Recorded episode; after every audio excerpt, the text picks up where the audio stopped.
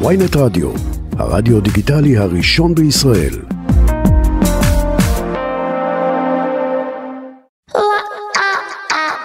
עכשיו בוויינט רדיו, הבוקר עם רועי כץ. הבוקר עם רועי כץ, בוקר טוב לכם. בוקר טוב מאזיני ynet רדיו. אני רועי כץ ואתם על uh, המוסף הראשון שלכם לסוף השבוע, תוכנית סיכום השבוע של ynet רדיו. טס גדות עורכת, על הביצוע הטכני דניאל וייס, ולנו יש uh, שעה עמוסה, תכף uh, נסכם שבוע ישראלי עם שר המשפטים לשעבר, הדוקטור יוסי ביילין. נהיה גם עם מומחי המשפט והתקשורת, הדוקטור יובל קרניאל. איתו נדבר על משבר האמון בתוך החברה הישראלית. יובל קרניאל, יחד עם עמית לוי דינור, מחברי הספר משבר אמון, שיצא לפני כשמונה חודשים, ואנחנו נדבר על משבר האמון כי כולם פה בישראל נגד כולם. ננסה לברר גם לאן נעלמה המחאה הפוליטית באומנות הישראלית. התרגלנו לראות, אם זה מחזות ואם זה סרטים ואם זה אומנות פלסטית, שמגיבה לכל האירועים הפוליטיים. זה היה נכון בשנות ה-70, בשנות ה-80, אנחנו זוכרים היטב את האירועים, אבל עכשיו, למרות uh, שורה של אירועים פוליטיים מאוד uh, משמעותיים, בינתיים שקט יחסי מצד עולם התרבות. נסכם גם שבוע למותו של יצחק קלפטר, היו הרבה דיבורים על היחס שמעניקה החברה הישראלית לאומניות, לאומניות ולאומנים המתבגרים, המזדקנים. אנחנו ננסה לברר עם אה, העיתונאי וחוקר המוזיקה הישראלית יובל ניב, האם, אה, האם זה נכון, האם אנחנו באמת אה, מבזים אומנים אה, מתבגרים, יכול להיות שלא, ויכול להיות שזה סתם איזשהו אה, טקס שאנחנו נהנים אה, להלקות את עצמנו, אבל במציאות זה לא כל כך ככה. ולקראת סוף השעה, כמו בכל תוכנית שלנו, אנחנו עם שיר לשבת, והבוקר אנחנו מתרגשים, כי בעוד uh, בערך שעה תצטרף אלינו נורית זרחי, המשוררת, הסופרת, כלת פרס ישראל, ותקריא לנו שיר שלה לשבת. הבוקר עם רועי כץ, הנה, מתחילים, אומרים שלום, בוקר טוב, לדוקטור יוסי ביילין. בוקר אור. לשעבר אה, שר המשפטים, לשעבר אה, חבר כנסת. דוקטור ביילין, אה, נדמה שבחודש וחצי מאז הבחירות, השמאל הישראלי עדיין לא התאושש מההלם. תראה, יש כאן בהחלט הלם, אי אפשר להסתיר את זה. אני לא בטוח שהוא לא יתאושש, אני כבר אה, רואה אנשים שהם מפגינים, על הקשרים, אומרים את שלהם. אה, זה, זה לא שהוא אה, נעשה לגמרי מושתק או משהו דומה לזה, אבל זה בהחלט לא מצב פשוט. זה לא סתם איזשהו שינוי של, אתה יודע, איזה מין ניואנס אחר, קונסנסוס כללי, אבל יש כאן דגש על...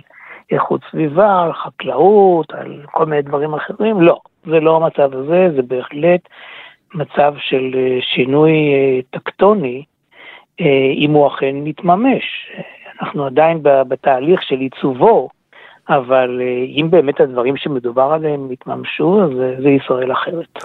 אבל נדמה שכשאנחנו רואים את ההתייחסויות של אה, מנהיגי המרכז ומנהיגי השמאל, אל מול אה, באמת מהלכים מאוד משמעותיים שבאים לידי ביטוי בהסכמים הקואליציוניים בין הליכוד לציונות הדתית, בין הליכוד למפלגות החרדיות, התגובה, הריאקציה, בינתיים לא תואמת את השינוי הגדול שהם מבקשים לקדם פה. זה נכון, משתי סיבות עיקריות. א', השינוי אכן לא, מתרח... לא התרחש, כי מדובר כאן במשא ומתן, בהדלפות, לפעמים הדלפות מכוונות, שרוצות להשפיע על המשך המשא ומתן ולא על גורמים חיצוניים.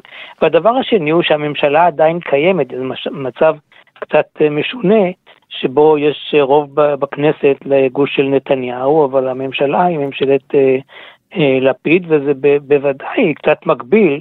את uh, מרחב הפעולה. עכשיו, כשאתה מסתכל על אה, מה שדורשות השותפות של נתניהו בתוך המשא ומתן הקואליציוני, ומתוך זה שאתה מכיר היטב את המשחק הפוליטי הישראלי, אז יש פה דברים שהם באמת אה, סחטנות יוצאת דופן וכל הכותרות שאנחנו רואים באמצעי התקשורת, או שזה המשחק, הם ניצחו, הם מחזיקים את נתניהו איפה שכואב, והם הם, אה, ממקסמים בסופו של דבר. תראה, זה מאוד מאוד משונה, כי מה כאן קרה? לכאורה, אה, ניצח אה, נתניהו בזכות אישיותו, בזכות הכריזמה שלו. אה, הוא בא לבחירות, ליום שלאחר הבחירות עם הגוש שלו, הוא מוכן לקואליציה, הוא לא צריך אף אחד יותר מזה, אפילו, אתה יודע, בניגוד ל...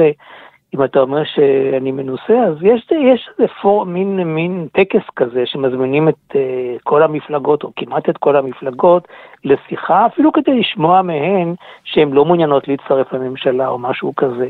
כאן אפילו פרופורמה, הוא לא הזמין אף אחד, לא שמישהו ציפה, אבל הוא לא הזמין אף אחד, כי הוא כבר בא עם ממשלה. אז לכאורה זה היה צריך להיגמר מהר, וגם בלי תביעות מיוחדות, משום שאין אה, לאף אחת מה, מהשותפות של נתניהו לקואליציה איזו אופציה אה, לחבור למרכז-שמאל. אה, ונדמה היה שזה יהיה מאוד מהיר, ושנתניהו ישלוט ב, בתהליך הזה, וקרה ההפך. דווקא הם, המפלגות האחרות, שאין להם כאמור חלופה אחרת, הפכו להיות השובות ולא השבויות. של נתניהו, ועל פי המשא ומתן, או על פי מה שמודלף או מה שיוצא ממנו, אה, וגם התהליך שכבר החל אה, לגבי החקיקה, אה, ונמשך גם היום, נדמה ש, שנתניהו הוא זה שנמצא בפינה, וש... והאחרות מתנהגות כאילו שיש להן כל האופציות שבעולם וגם כל הזמן שבעולם. זה מצב מאוד מאוד משונה. הן מעלות באמת תביעות שלא הועלו בעבר. לא הועלו בעבר. לא היה דבר כזה שבאו שרים ואמרו, קודם כל, אנחנו, כיוון שאנחנו לא מאמינים לך, ואתה ידוע בתור שקרן, אנחנו רוצים את הכל במזומן ועכשיו. לא תשלומים. תביא לנו את הכל עכשיו. הוא צריך מסכן לחוקק חוקים, בעוד הממשלה היא ממשלה של מישהו אחר, כדי להפיס את דעתם של, דעתן של השותפות שלו. זה באמת דבר שאני לא זוכר. והדבר השני כמובן הוא לגבי המהות, הדבר העיקרי, הבוטה ביותר, הוא הניסיון אה, ליטול סמכויות של אה, אה, פקידות הבחירה אל השרים עצמם, ולהפוך גורמים שבאמת הם לא צריכים להיות פוליטיים, לקחת מהם סמכויות ולתת את זה לאנשים פוליטיים, בעיקר מדובר בשר המשטרה, בשר הביטחון הפנים או הביטחון הלאומי. זה באמת דבר שלא היה, אה, היו תביעות אחרות, נגיד ב-81 הייתה תביעה מאוד מאוד מאוד מרחיקת לכת של אל לא תטוס בשבת. אה, אם אתה זוכר, אז המערך קיבל 48, אה, 7 מנדטים, הליכוד קיבל 48 מנדטים, ו, וכל אחד מהם יכול היה להרכיב תיאורטית קואליציה עם המפלגות הדתיות, ו, ובגין הפסיק את אל על בשבת, זה היה אז. כך שהיו דברים דרמטיים. בדרישות של החרדים, זה לא פעם ראשונה.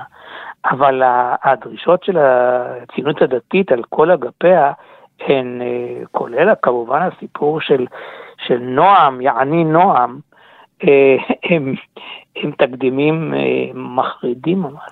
אני חוזר למחנה המרכז והשמאל. אה, אתה יודע, אנחנו שומעים כל מיני אה, קולות. יש את אלו שאומרים דרכונים זרים ולרדת מהארץ. יש את אלה שאומרים צריך פה לשנות כיוונים ולהכריז על עצמאות חילונית, ואתה יודע, כל מיני, שילוב של לחץ ופניקה וכל מיני זעקות שבר. אתה, כשאתה מסתכל, אתה יודע, ממרום ניסיונך ושנותיך, אתה, אתה אומר, ארצי שינתה את פניה, או שזה עדיין בגבולות ובתוך המשחק הפוליטי הלגיטימי? אני אומר את שני הדברים שנאמרים, ב, שנאמרים בשיר הזה, של אהוד מנור. ארצי שינה את פניה, שינתה את פניה, ואין לנו ארץ אחרת. ואתה אומר, כל הקריאות האלה, טוב, אה, אני אמליץ לילדים שלי להגר מפה, ורילוקיישן, רילוקיישן, רילוקיישן, עם זה צריך להפסיק. מי אני שאני אגיד לאנשים מה לעשות? תשמע, אה, אני... היית אה, נבחר יש- ציבור ואתה מנהיג ציבור ו... לא, לא, אני, אני, אני לא מוותר. ואני לא אגיד לילדים שלי ללכ- ללכת מכאן לשום מקום אחר. אם הם ילכו מכאן חלילה, הנכדים ילכו מכאן, אני אהיה האיש הכי עצוב בעולם. אז אה, אני, אני לא אציע את זה לאף אחד אחר, ונצטרך להיאבק כאן. אני חושב שאנחנו מחולקים, אני לא צריך להגיד לך, ההפרש בין הגוש של נתניהו לגוש המ- מול נתניהו היה שלושת אלפים קולות. זה, זה לא ייאמן. אנחנו חצויים, כמו שאמריקה חצויה, אנחנו חצויים, ולא רק אמריקה, צרפת חצויה ודמוקרטיות אחרות חצויות. אנחנו חצויים, זה לא שכל העם היום אה, הוא, הוא בן גביר חלילה. אבל העובדה שבן גביר הגיע לעוצמה כזאת, אה, היא, היא מדאיגה מאוד ועצובה מאוד. בינתיים אנחנו לא רואים אה, חשבון נפש אמיתי, לא אה, של אה, השמאל הישראלי, שעה שמרץ לא עברה אחוז חסימה, גם לא של מפלגת העבודה על ההישג המאוד מפוקפק של ארבעה מנדטים. לא, לא רואים פה איזה מהלך ששואל ברצינות מה קרה. תראה, אני חושב שיהיו יהיו מהלכים כאלה. אני יכול לדבר ב, לגבי מרץ, במרץ בוודאי שיהיו מהלכים כאלה. אה, ואני גם חושב שהם צריכים לה, להוביל למיזוגים בתוך המחנה של המרכז-שמאל. אני הייתי רוצה מאוד שמרץ אה, תצא למיזוג כזה עם אה, מפלגת העבודה אפילו היום, ושתיהן עם, עם יש עתיד. לפחות שלוש המפלגות האלה יכולות לשמור כל אחת על האוטונומיה שלה וללכת במערך משותף לבחירות הבאות, ו, ומצידי הייתי עושה את זה כבר מחר. משהו שבאמת אה, מזכיר את המערך של פעם. כן. זה- מה היתרון של המערך? היתרון של המערך זה שהוא לא דרש מהמפלגות לוותר על הייחוד שלהם, ואכן בשעה שהם החליטו אה, להיפרד, הם יכלו להיפרד כל אחת עם המוסדות שלה שנשמרו כל השנים האלה, מ-69 ועד אה, 84. אה, ו- ואני חושב שהדבר הזה הוא הדבר הנכון לעשותו אה, גם עכשיו.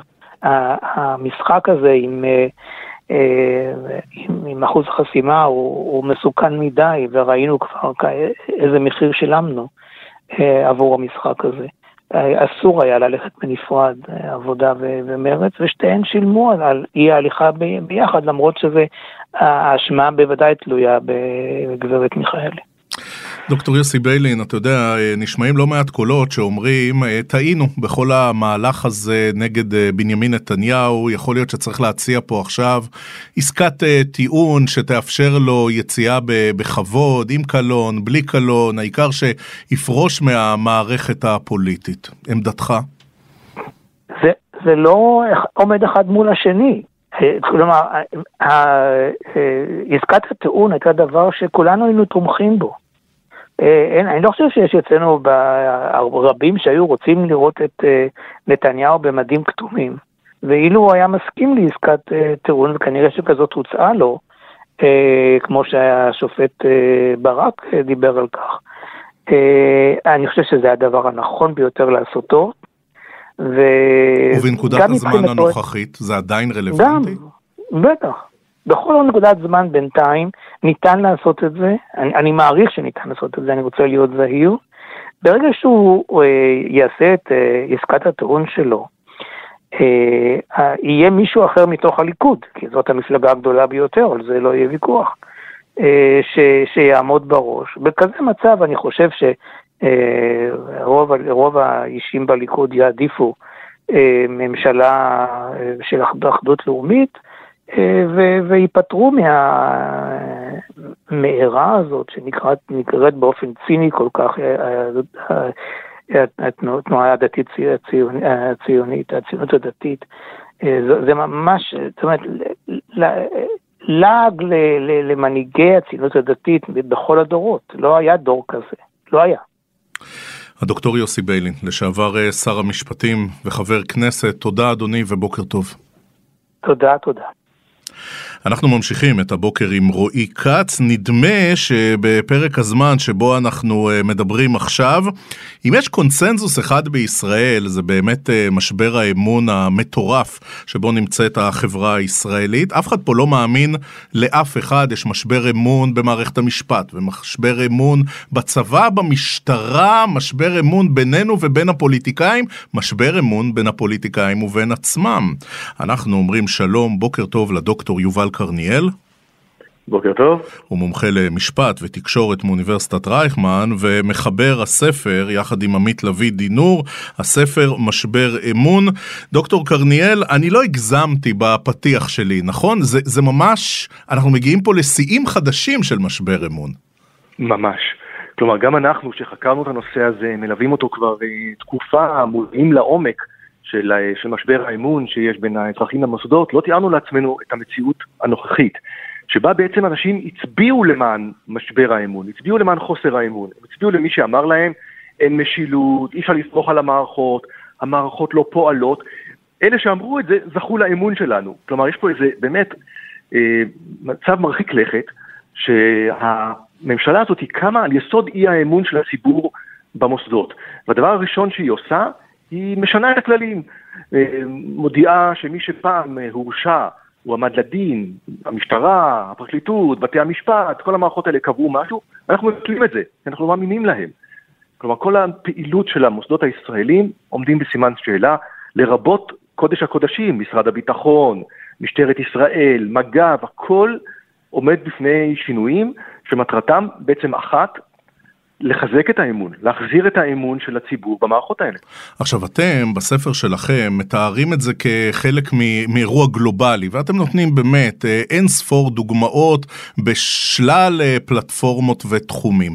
אני מבקש לשאול, האם אפשר לפעול ולהמשיך לפעול בעידן של משבר אמון, ולהגיד, תקשיבו, אה, הממזרים שינו את החוקים, עכשיו אין אמון, בואו נמשיך לפעול ונייצר אה, נורמליות בתוך הדבר הזה, או שהדבר הזה הוא בכלל בלתי אפשרי, ועד שלא נחזיר פה את האמון, אי אפשר יהיה להמשיך הלאה.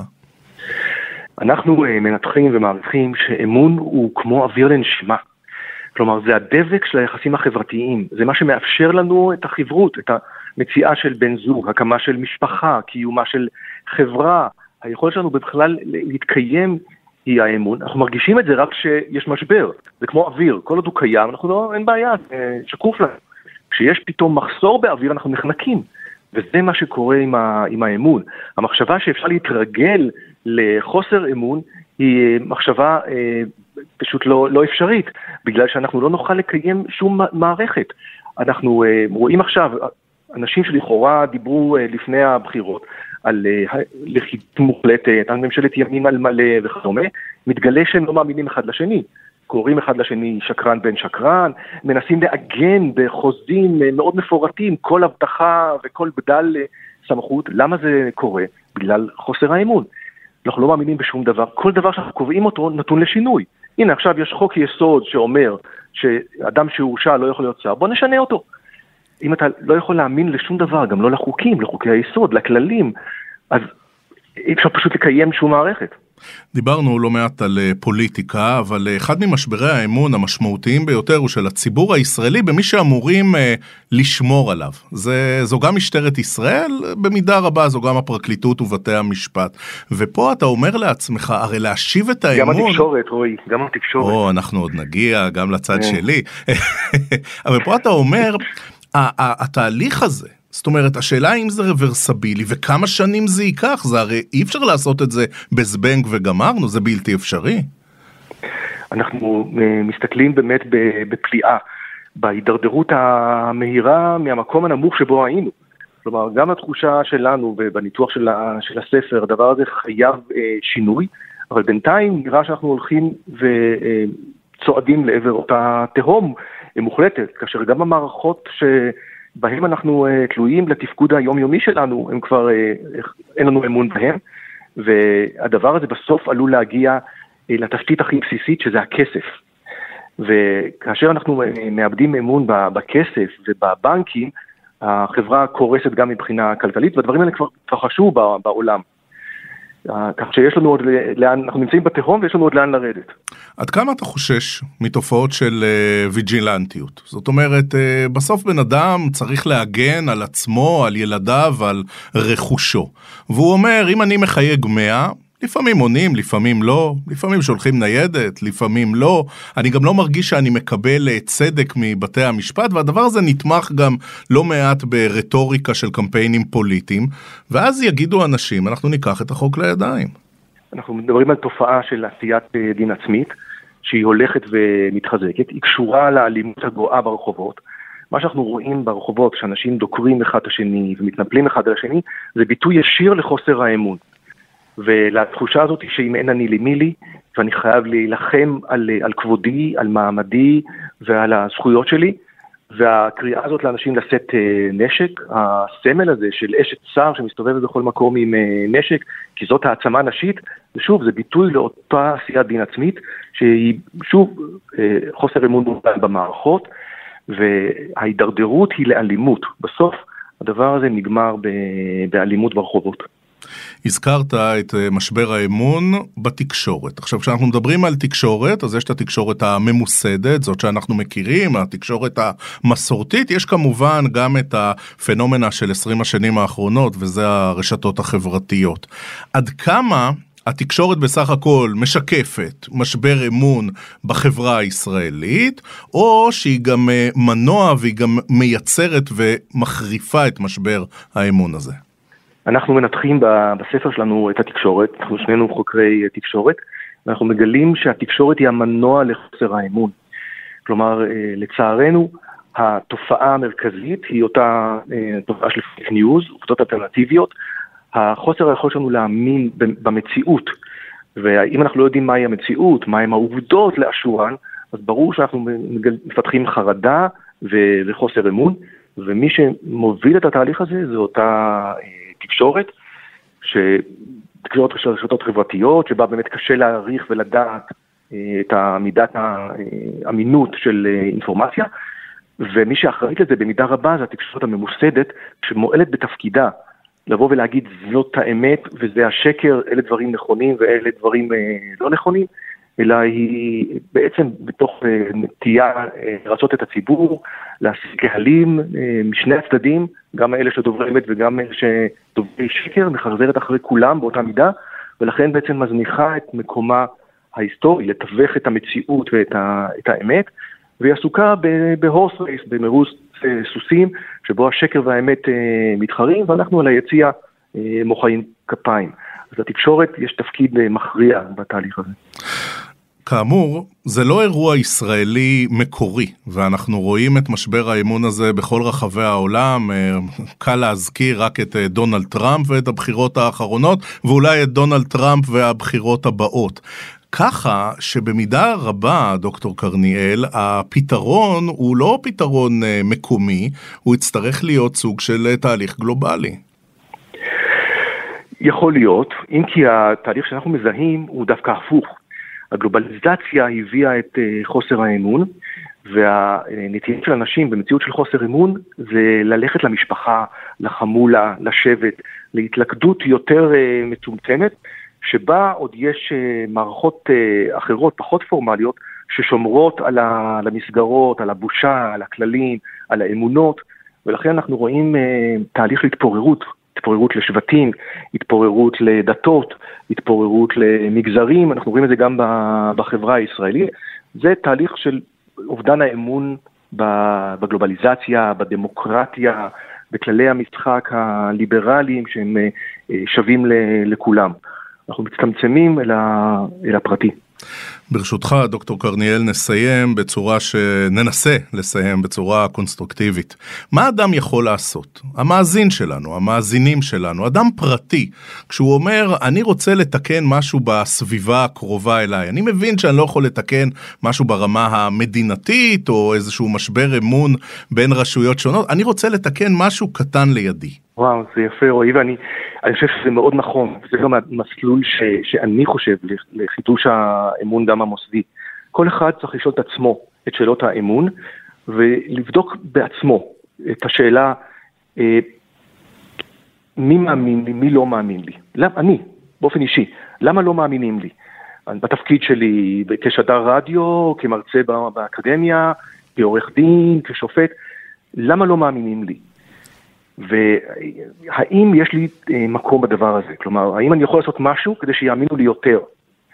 ואני חושב שהדבר הזה הוא תהליך אישי שאנחנו יכולים לעשות, תהליך מוסדי וארגוני שמוסדות וארגונים יכולים וצריכים אה, לעשות אותו, לשאול את השאלות האלה, מי לא מאמין לי, למה הוא לא מאמין לי, מה אני יכול לעשות כדי שיותר אה, יאמינו לי, ולהבין שהחידוש של האמון הוא באמת אה, חיוני לנו לקיומנו גם הפרטי וגם כחברה. דוקטור יובל קרניאל, מומחה למשפט ותקשורת מאוניברסיטת רייכמן, מחבר הספר משבר אמון יחד עם הדוקטור עמית לביא דינור. דוקטור קרניאל, תודה רבה לך על השיחה ובוקר טוב. תודה, תודה רבה. הבוקר עם רועי כץ, אנחנו מזכירים לכם שאם אתם רוצים להאזין לנו בהאזנה מאוחרת לכל התוכניות והרעיונות, אתם יכולים לעשות את זה במתחם הרדיו, באתר ynet או בכל אפליקציות הפודקאסטים המובילות. אתם מחפשים הבוקר או רועי כץ בשורת החיפוש, יכולים להאזין לנו בכל מקום, בכל שעה, בכל מכשיר. אם אתם מאזינים לנו כפודקאסט, אז בבקשה לא לשכוח לדרג אותנו וללחוץ עוקב על מנת לקבל עדכון לתוך, לכל תוכנית חדשה שעולה. עכשיו, הפוגה מוזיקלית קצרה.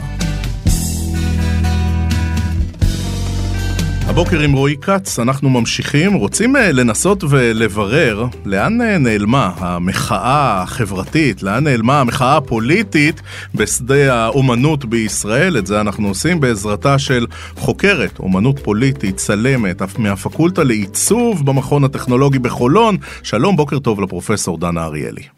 בוקר אור, רועי. לכאורה, פרופסור, הזמנים מבקשים שטף אדיר של יצירה פוליטית ויצירה חברתית, עוד מימי הקורונה והמאבקים של בלפור, וכמובן כל מערכות הבחירות, אלא שבמבחן המציאות זה לא ככה. תראה, אני לא בטוחה שהיא נעלמה, המחאה החברתית, האומנותית, הפוליטית, אני חושבת שהיא שינתה את פניה. אמ, זה קצת כמו לשאול, אתה יודע, אם יש כאן או אין כאן אומנות פוליטית. יש כאן אומנות פוליטית, יש כאן המון אומנות פוליטית, אבל כשהתנאים החברתיים משתנים מהקצה לקצה, וכאן היו כמה אירועים אה, שהובילו לשינוי הזה, אה, לדעתי הקהילה הזאת עושה התאמה. אתה מבין אותי? לא כל כך. מפני אוקיי. שהתאמה למה? התאמה לפלטפורמות. אני אגיד לך, נגיד אני נזכר, כן? לא צריך ללכת אחורה לחנוך לוין ולמלכת האמבטיה. גם בשנות ה-80, התגובה נגיד למלחמת לבנון, או התגובה לאינתיפאדה הראשונה, הייתה על הבמות המרכזיות של, אה, של התיאטרון, היא הייתה בקולנוע הישראלי, היא הייתה בתוך אה, יצירה מאוד מאוד, אה, נקרא לזה, פופולרית. פה אנחנו רואים את זה פחות. תראה, אני אגיד כאן ככה, קודם כל אני מאוד מאוד מסכימה עם הקביעה שלך ששנות ה-70 הם, הם רגע מיוחד, הם רגע של שיא. Uh, מבחינה סגנונית באותו הרגע ובזמן, יש איזושהי הסכמה שמקובל להעביר מסרים פוליטיים בצורה ישירה. בעולם שאני מתעסקת בו, אני חושבת שדי להזכיר שמות כמו יגאל תומרקין, אפרת נתן, מוטי מזרחי, מלך ירושלים, הוא הלך בשדות, כן? הדבר הזה מאוד מושפע ממה שקורה בארצות הברית ובאירופה באותה התקופה. צריך גם לזכור שאלה בני הדור השני למלחמת העולם השנייה, ואלה גם בני הדור השני להקמת המדינה הזאת כאן. כלומר, הם מורדים. ואחר כך יש גל מאוד מאוד גדול ומשמעותי בשנות ה-90, שמתעסק כמובן אה, ברצח רבין, אבל על הדרך גם עסוק בביטוי של כל תהליך ההפרטה של הקולקטיב והוויכוחים על הזהות הישראלית. ואנחנו אז גם פתאום רואים, כתבתי על זה לא מעט, את כל הנושא של העיסוק בשחיטת הפרות הקדושות של אה, אה, היטלר וכל הקבוצה שמקיפה אותו. אה, אני יכולה לחשוב אז על אנשים כמו מיקי קרטמן, ציבי גבע, דוד טרטקובר, דוד רי ועוד ועוד. אני חושבת שהעשור האחרון רואה שינוי אה, בדפוס הביטוי של המחאה הפוליטית, או יותר, יותר נכון אפילו לא לומר עשור, אלא השנים האחרונות, מגיבות אל, אל הפרומו אה, שראינו סביב השאלה של חוק הלאום, אה, אה, באופן שבו הדברים טופלו ב-2018, בעצם מתפתחת כאן מגמה מאוד מאוד מטרידה של צנזורה עצמית. ו- ויצא כך שבשנה שעברה גם קיימתי איזשהו מחקר עומק שבו ביקשתי לדבר עם עוצרים ועם אומנים ולנסות רגע אחד להבין האם הם חוו צנזורה או שלחלופין הם מצנזרים את עצמם. וחזרתי אז אל נקודה אחרת בזמן שבה שאלתי שאלות דומות כמעט 15 שנים קודם לכן, ונדהמתי לגלות שלפחות 50 אחוז מעידים על עצמם שהם או מצנזרים את עצמם בגלל האקלים הפוליטי, אה, או עוברים לסוג של שיח פנימי אה, שהוא הרבה יותר ככה, אתה יודע, אוידיוסינקרטי, מאוד מאוד מסוכן, מכיוון שזה בדיוק מעיד על פגיעה עמוקה ואנושה בחופש הביטוי. מה, שיח אז... פנימי זה לשכנע במידה מסוימת את המשוכנעים? בדיוק. אנחנו חוזרים לא, לא להסתכן ה... בזה שיפוצצו לך את ההצגה בערב, או שישימו לך איזשהו לא, מטען, לא, או שסגנית לא. שר החינוך אה, תדרוש לבטל את המימון. להגיד, בסדר, הבנתי, אני לא נכנס לקרבות האלה. בדיוק. והדבר הזה הוא מאוד מאוד מסוכן מכיוון שהוא מסמן לא רק פגיעה בחופש הביטוי ובחופש היצירה, אה, אלא בעיקר מכיוון שאני חושבת, אני באמת ובתמים סבורה שהיכולת של האומנות לשמש כגשר, כאפיק משמעותי של תקשורת בין הכתבים בחברה הישראלית, הוא פחות או יותר אחד הנכסים האחרונים המשמעותיים שנשארו לנו. והנה במקום לקבל אנשים שיוצאים החוצה לבטא את דעתם, אנחנו מקבלים אנשים שמבקשים לדבר אל עצמם. וזאת נקודה שהיא באמת מאוד מסוכנת ומאוד מורכבת. פרופסור דנה אריאלי, קשה לנתק את הדיון הזה מ-20 שנים משמעותיות של רשת חברתית. אה, אמרו לנו שזה יהיה מנוע לדמוקרטיה, שכל שומרי הסף יבוטלו, שכל אחד יוכל לבוא לידי ביטוי, יהיה חופש ביטוי. אבל יכול להיות שמה שפעם היה בא לידי ביטוי בשיר מחאה, או בהצגה, או ביצירה, או באמנות פלסטית, היום מסתכמים באיזה את יודעת, אה, ציוץ אה, ציני וממשיכים הלאה. תראה, אני אגיד לך ככה, אני לא מומחית לתחום של הרשתות החברתיות, אבל אני כן רוצה דווקא לשנייה לחזור על הנקודה שבה פתחנו. כשאנחנו משוחחים על מלכת האמבטיה של חנוך לוין היום, זה נראה לנו כמו האקט האמיץ ביותר שאפשר להעלות ולעשות על הדעת, אז בשנות ה-70, כסוג של תגובה למלחמת יום הכיפורים וכולי. אה, אבל המציאות היא שגם כיום, כן, תיקח אפילו תוכניות סאטירה, נגיד כמו היהודים באים, כן, אה, שמעיזות להיכנס אה, אל תחומים שהם מאוד מאוד לא פשוטים ולבטא באמצעותן מחאה, גם היום זה אוונגרד, גם היום זה חיל חלוץ שלפני המחנה, בדיוק כפי שחנוך לוין היה בשנות ה-70, הוא לא היה בקונצנזוס. ואגב, לא, זה בסדר. אבל בסוף, את הצילום של הילדה שאיבדה את עינה, של מיכה קירשנר המנוח, מפרסם עיתון גדול בישראל. ואחרי זה, זה אה, בא שיר אה, של, של נורית גלרון. בסוף זה היה במיינסטרים המחאה, זה לא היה איזה משהו באוונגרד. זה נכון. בשנות ה-70 זה נכון. אני חושבת שוב, אני חושבת שזה קשור קשר אמיץ מאוד לעובדה שמדובר בדור שהוא כל כולו מורד. בסדר? הוא צריך להגיב לאירועים פוליטיים שהם בלתי נתפסים, של ה' מלחמת העולם השנייה, וכל מה שנובע מהדבר הזה. אה, כאן דווקא אני חושבת שהרשתות החברתיות, שוב אני אומרת, אינני מומחית לתחום הזה, אבל הם סוג של כפו עלינו קצת רידוד של המסרים. העברת המסרים היא מאוד אלמנטרית, וכל מי שמנהל איזשהו אפיק תקשורת בתוך רשת חברתית, אני למשל מכירה נגיד טיפונת יותר טוב את הפייסבוק, יודע להגיד מה סוג המסרים שעוברים בתוך המקום הזה ומה לא. יש הבדל מאוד גדול בין הבחירה שלי לבוא עם איזשהו מסר פוליטי יום אחרי האחד בנובמבר, אה, לבין אה, פוסט שמתעסק במשהו שהוא הרבה יותר אה, חביב וחמוד ולא מעורר מחלוקת, ושם זה נמצא כרגע. זה גם רדוקציה של המסרים, וזה גם העברה של מסרים מאוד חביבים וחמודים. ש, שעוברים את הקהל. פרופסור אריאלי, תנסי רגע ללטף את כדור הבדולח שלך, נחזה ביחד את, ה, את העתיד. אה, זאת תהיה ממשלה שהיא תהיה ממשלה מאתגרת לתחום האומנות הישראלי, אה, שהרבה פעמים מגיב לסוגיות של כפייה דתית ושל אה, ימין רדיקלי. יכול להיות שדווקא הממשלה הזו תצליח להוציא מהשדה האומנותי הישראלי דברים בולטים יותר? תראה, אני אגיד לך ככה, אה, אני לא רגועה. אני לא רגועה מכיוון שתחום המחקר שלי לוקח אותי מאה שנים אחורה, אה, אל הנקודה המאוד מיוחדת הזאת בזמן שנקראת 1923 וניסיון הפוטש הכושל ואחר כך הלא כושל של מיודענו אה, אדולף היטלר. עוד לא עברו מאה שנים.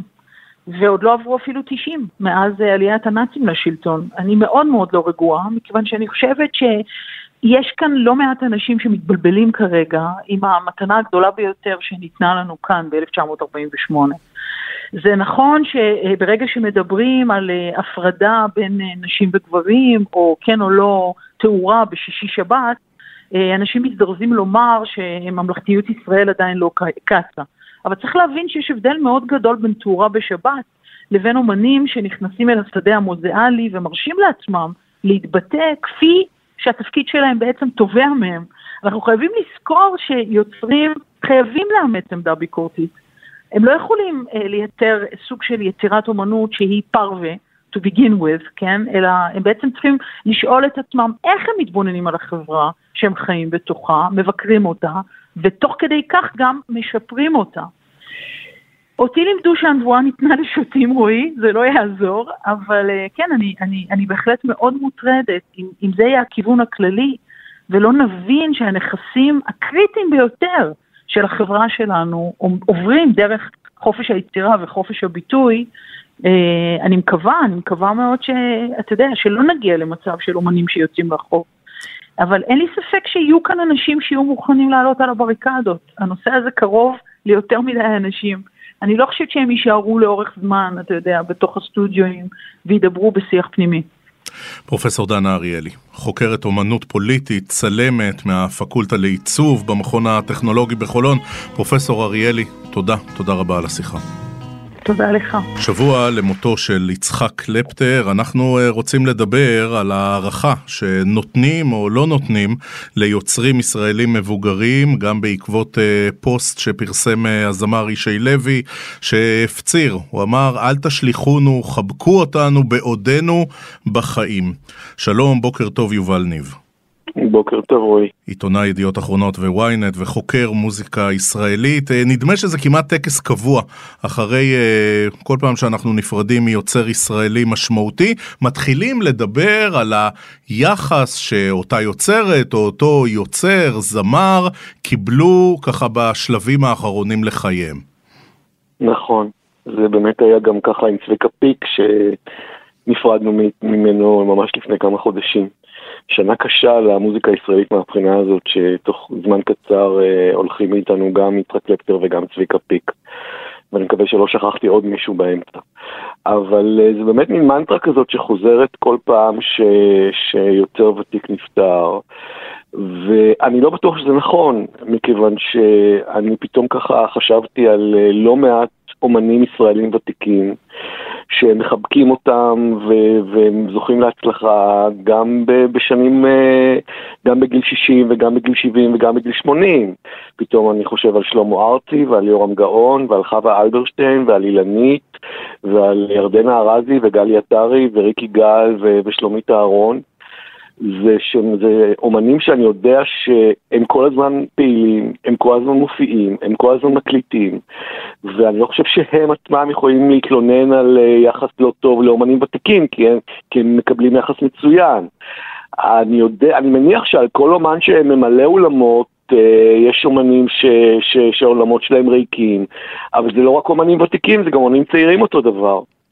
וצריך לא להגיד לא אולי, שזה... יובל, כן. ואני שואל את זה בזהירות, אתה יודע, כי אני נכנס פה לשדה מוקשים. אתה יודע, יש כן. מי שניהל את חייו וקלקל אותם בצורה נכונה ונבונה יותר, ויש מי נכון. שהצליח אה, לעשות החלטות אה, טובות יותר, ויש מי ששמר על רלוונטיות, ויש גם מי שנגיד התקליטים האחרונים שלו היו פחות טובים. השאלה אם יש פה בעיה שהיא בעיית אה, רוחב, כזו שגם, אתה יודע, יש בה איזושהי אחריות לחברה הישראלית, או שזה באמת כל מקרה לגופו, וכמו שציינת, יש אה, לא מעט אה, אמנים ישראלים אה, שבהחלט משגשגים, כי הם יוצרים והם עשו גם החלטות נכונות בחיים. מסכים איתך לגמרי. אני גם מוצא התאמה בין מידת היכולת של האומן לשרוד אה, בגיל מבוגר לבין מידת ההצלחה שלו בגיל יותר צעיר. זאת אומרת, האומנים שהם מצליחים בבגרותם, אלה, אלה שהזכרתי, הם היו כוכבים מאוד מאוד זולים כשהם היו בני 30 ובני 40, זאת אומרת, הם באמת קיבלו כנראה החלטות אה, מאוד נכונות, גם כשהם היו צעירים וגם עכשיו שהם כבר פחות צעירים, ויש קורלציה. אני, אני יכול אה, ל, ל, ל, לראות הרבה מאוד אומנים אה, בני 30 ו-40 שגם הם אה, לא מצליחים, ללא קשר לגיל שלהם. אז אני חושב שיש כאן, אני חושב שאין כאן, אני לא רואה שהמדינה, מדינת ישראל ספציפית, או החברה הישראלית ספציפית, מתייחסת לא יפה או לא מכבדת אומנים ותיקים. למשל, רק בשנה האחרונה שודרו שתי סדרות תיעודיות על שני אומנים ותיקים, אחת על שלום חנוך והשנייה על שלום... שלמה ארצי, עם כל ההשקעה הגבוהה שיש בהפקה כזאת. חברה ש, שמפיקה אה, סדרות תיעודיות על שני אומנים ותיקים, היא לא חברה ש, ש, שלא מכבדת את האומן הוותיק שלה. אז על מה בעצם הנהי? למה יש את הטקס הקבוע הזה, אתה יודע, כמעט אה, פבלובי? מיד, אה, אתה יודע, מתחילים עם לא הזמינו אותו להופעות בשנים האחרונות, איש לא השמיע את השירים שלה, למה זה? תראה, אה, יש פה בעיה נפרדת, והבעיה הזאת היא קיימת, שיש נטייה לא להש... תראה, כל האומנים האלה ש... שהזכרתי, אחד הדברים שמאפיינים אותם זה ממשיכים ליצור גם בגיל מבוגר. הם, יח... הם היו יכולים לנוח על זרי הדפנה, אבל הם מתעקשים להמשיך אה, להקליט שירים חדשים, להוציא אלבומים חדשים, וזה נכון שהרדיו לא מרבה להשמיע את החומר החדש של האומנים האלה. נכון, אבל גם הרדיו ו... בארצות הברית לא מרבה להשמיע את uh, ניל יאנג, או את, uh, אפילו, אפילו לא את ברוס ספרינגסטין. מטבע הדברים, זו קצת תעשייה ששייכת לצעירים. מסכים איתך לגמרי, מסכים איתך לגמרי. לכן קשה לי באמת להתחבר עם כל, ה, עם כל הבכי הזה ש, שמזניחים את האומנים הוותיקים. אני לא חושב שהם מזניחים אותם, אני חושב שהם מאוד מכבדים אותם. מטבע הדברים, בשנים האחרונות של, ה, של הבן אדם, גם בין אם הוא אומן ובין אם לא, מן הסתם יש בעיות בריאות, אה, כמו שקרה, כמו שהיה לקלפטר, כמו שהיה לצביקה פיק. אה, שבוודאי אה, מנעו מהאנשים האלה לפעול כפי שהם פעלו בעבר. אבל uh, אני יודע גם שיש ארגוני אומנים, יש שח"ם ואמי שתומכים, ש, ש, שנותנים מענקים, נותנים הלוואות למי שנקלע לצרה.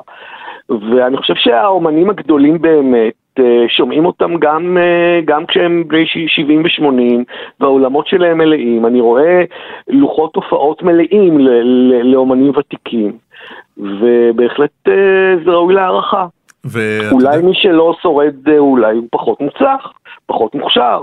פחות פופולרי, בסך הכל שואו ביזנס זה לא תחום שוויוני. כן, זה סוג של אה, כאלה... דרוויניזם תרבותי, נקרא לזה ככה. מי שהצליח לא. לשמור על רלוונטיות וגם מי שלא. ואני רוצה... יש, ל... גם, יש גם אומנים שנכשלים בגיל 30. אתה יודע, לא, לא כולם מצליחים באותה מידה. יש מוכשרים יותר, יש מוכשרים פחות, יש אה, אה, אהובים יותר, אהובים פחות, וזה גם עניין של מזל, אין מה לעשות. ואתה יודע, אני מסתכל על אה, טבלאות התמלוגים, מפני שלפעמים אה, יוצא לי לזרוק עליהם מבט. אה, כן. בכל מה שקשור לתמלוגים במדינת ישראל, המבוגרים מנצחים ביג טיים. אני מתאר לעצמי. כי למבוגרים יש רפרטואר. יש להם אה, מאות שירים שבמצטבר זה, זה, זה סכום כסף מאוד יפה. כן, זה גוף יצירה משמעותי. יובל ניב, אה, לא ניפרד, ולא, בוא, בוא, אתה יודע, ככה, לא נדבר רק על דברים מבאסים, אה, בכל זאת, קלפטר היה אומן מאוד משמעותי ויוצר, נכון, וכמה נכון. מקטעי הגיטרה הכי יפים ש, שניגנו פה. שיר אחד שלו שאתה מאוד מאוד אוהב. סוף העונה. גלי עטרי. גל יצרי בעיניי זה אחד השירים הכי יפים בעולם. אני זוכר את הפעם הראשונה ששמעתי אותו. אני, איך, איך נדהמתי. אני לא מוזיקולוג ואני, אין לי יותר מדי ידע, ידע תיאורטי במוזיקה, אבל אני תמיד הרגשתי שיש משהו בלחן הזה שהוא שונה, זה לא לחן רגיל, הוא משחק שם בין סולמות, ה, ה, פשוט שיר מדהים, ונזכיר גם את הטקסט של רוני ערן ואת העיבוד הגאוני של אילן וירטברג, שיש לו חלק מאוד מאוד חשוב ביופי של השיר הזה. בעיניי זה השיר הכי יפה של קפטר. יובל ניב, עיתונאי ידיעות אחרונות וויינט וחוקר מוזיקה ישראלית. יובל, תודה רבה על השיחה ובוקר טוב. תודה לך רועי, להתראות. אנחנו ממשיכים, הבוקר ynet רדיו, אנחנו uh, לא מסיימים את התוכנית שלנו באף בוקר חמישי בלי שיר לשבת, אומרים שלום, בוקר טוב למשוררת, לסופרת, כלת פרס ישראל, שלום נורית זרחי. שלום, בוקר טוב. שלומך גברתי? סביר, כן. סביר. סביר זו תשובה טובה לתקופה הזאת. סביר זה המקסימום. אמ, אנחנו מבקשים מיוצרים לקרוא לנו אה, שיר שלהם, והבוקר את נעתרת לבקשה שלנו. איזה שיר תקריאי לנו? קוראים לזה כיכר רבין. בבקשה, גברתי. שמעתי שוב את קולך, וצף בי מראה הכיכר, אטומה כמו עין מזוגגת, כשהסוסים שותלים את פרסותיהם באספלט פעמיים על כל נקישה. אני פוחדת, אמרתי לך, הרחתי את זעקת המקום, מאולפת אימה. היינו איש ואישה יחד, או צייד וארנבת קפואה בפנסי מכונית. חיכיתי שתצוד אותי, ואתה, שאפסיד אותך אפילו יותר. נלך מפה, אמרתי.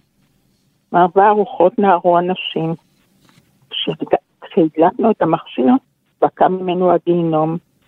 מחוץ למוחנו, מעבר לחינוכנו, כנגד הכל. מאז חווינו פרידות, מחלה, כאב, אבל אותו אסון גלגל את חיינו לעזאזל, ולא קם איש, והקורא עצום ושמיר. זה שיר, אה, זה שיר לא פשוט. המצב לא פשוט. כשהדלקנו את המכשיר, פג... בקע ממנו הגיהנום. כן. אנחנו מכירים אותך מרובנו, מיצירה שהיא מאוד שונה. כן, זה נכון. מיצירות אפילו מאוד שונות. כן. אבל, כן, עכשיו, נכון. אבל עכשיו אנחנו uh, פגשנו uh, נורית זרחי אחרת. זה נכון.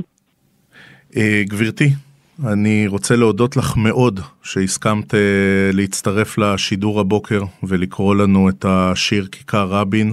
תודה רבה, נורית זרחי. תודה רבה לך. תודה, גברתי. ביי. אנחנו מסכמים את הבוקר עם רועי כץ, נגיד תודה לטס גדות שערכה. על הביצוע הטכני היה דניאל וייס. מיד אחרינו, מורן אזולאי בשעתיים פוליטיות, אנחנו נשתמע בשבוע הבא.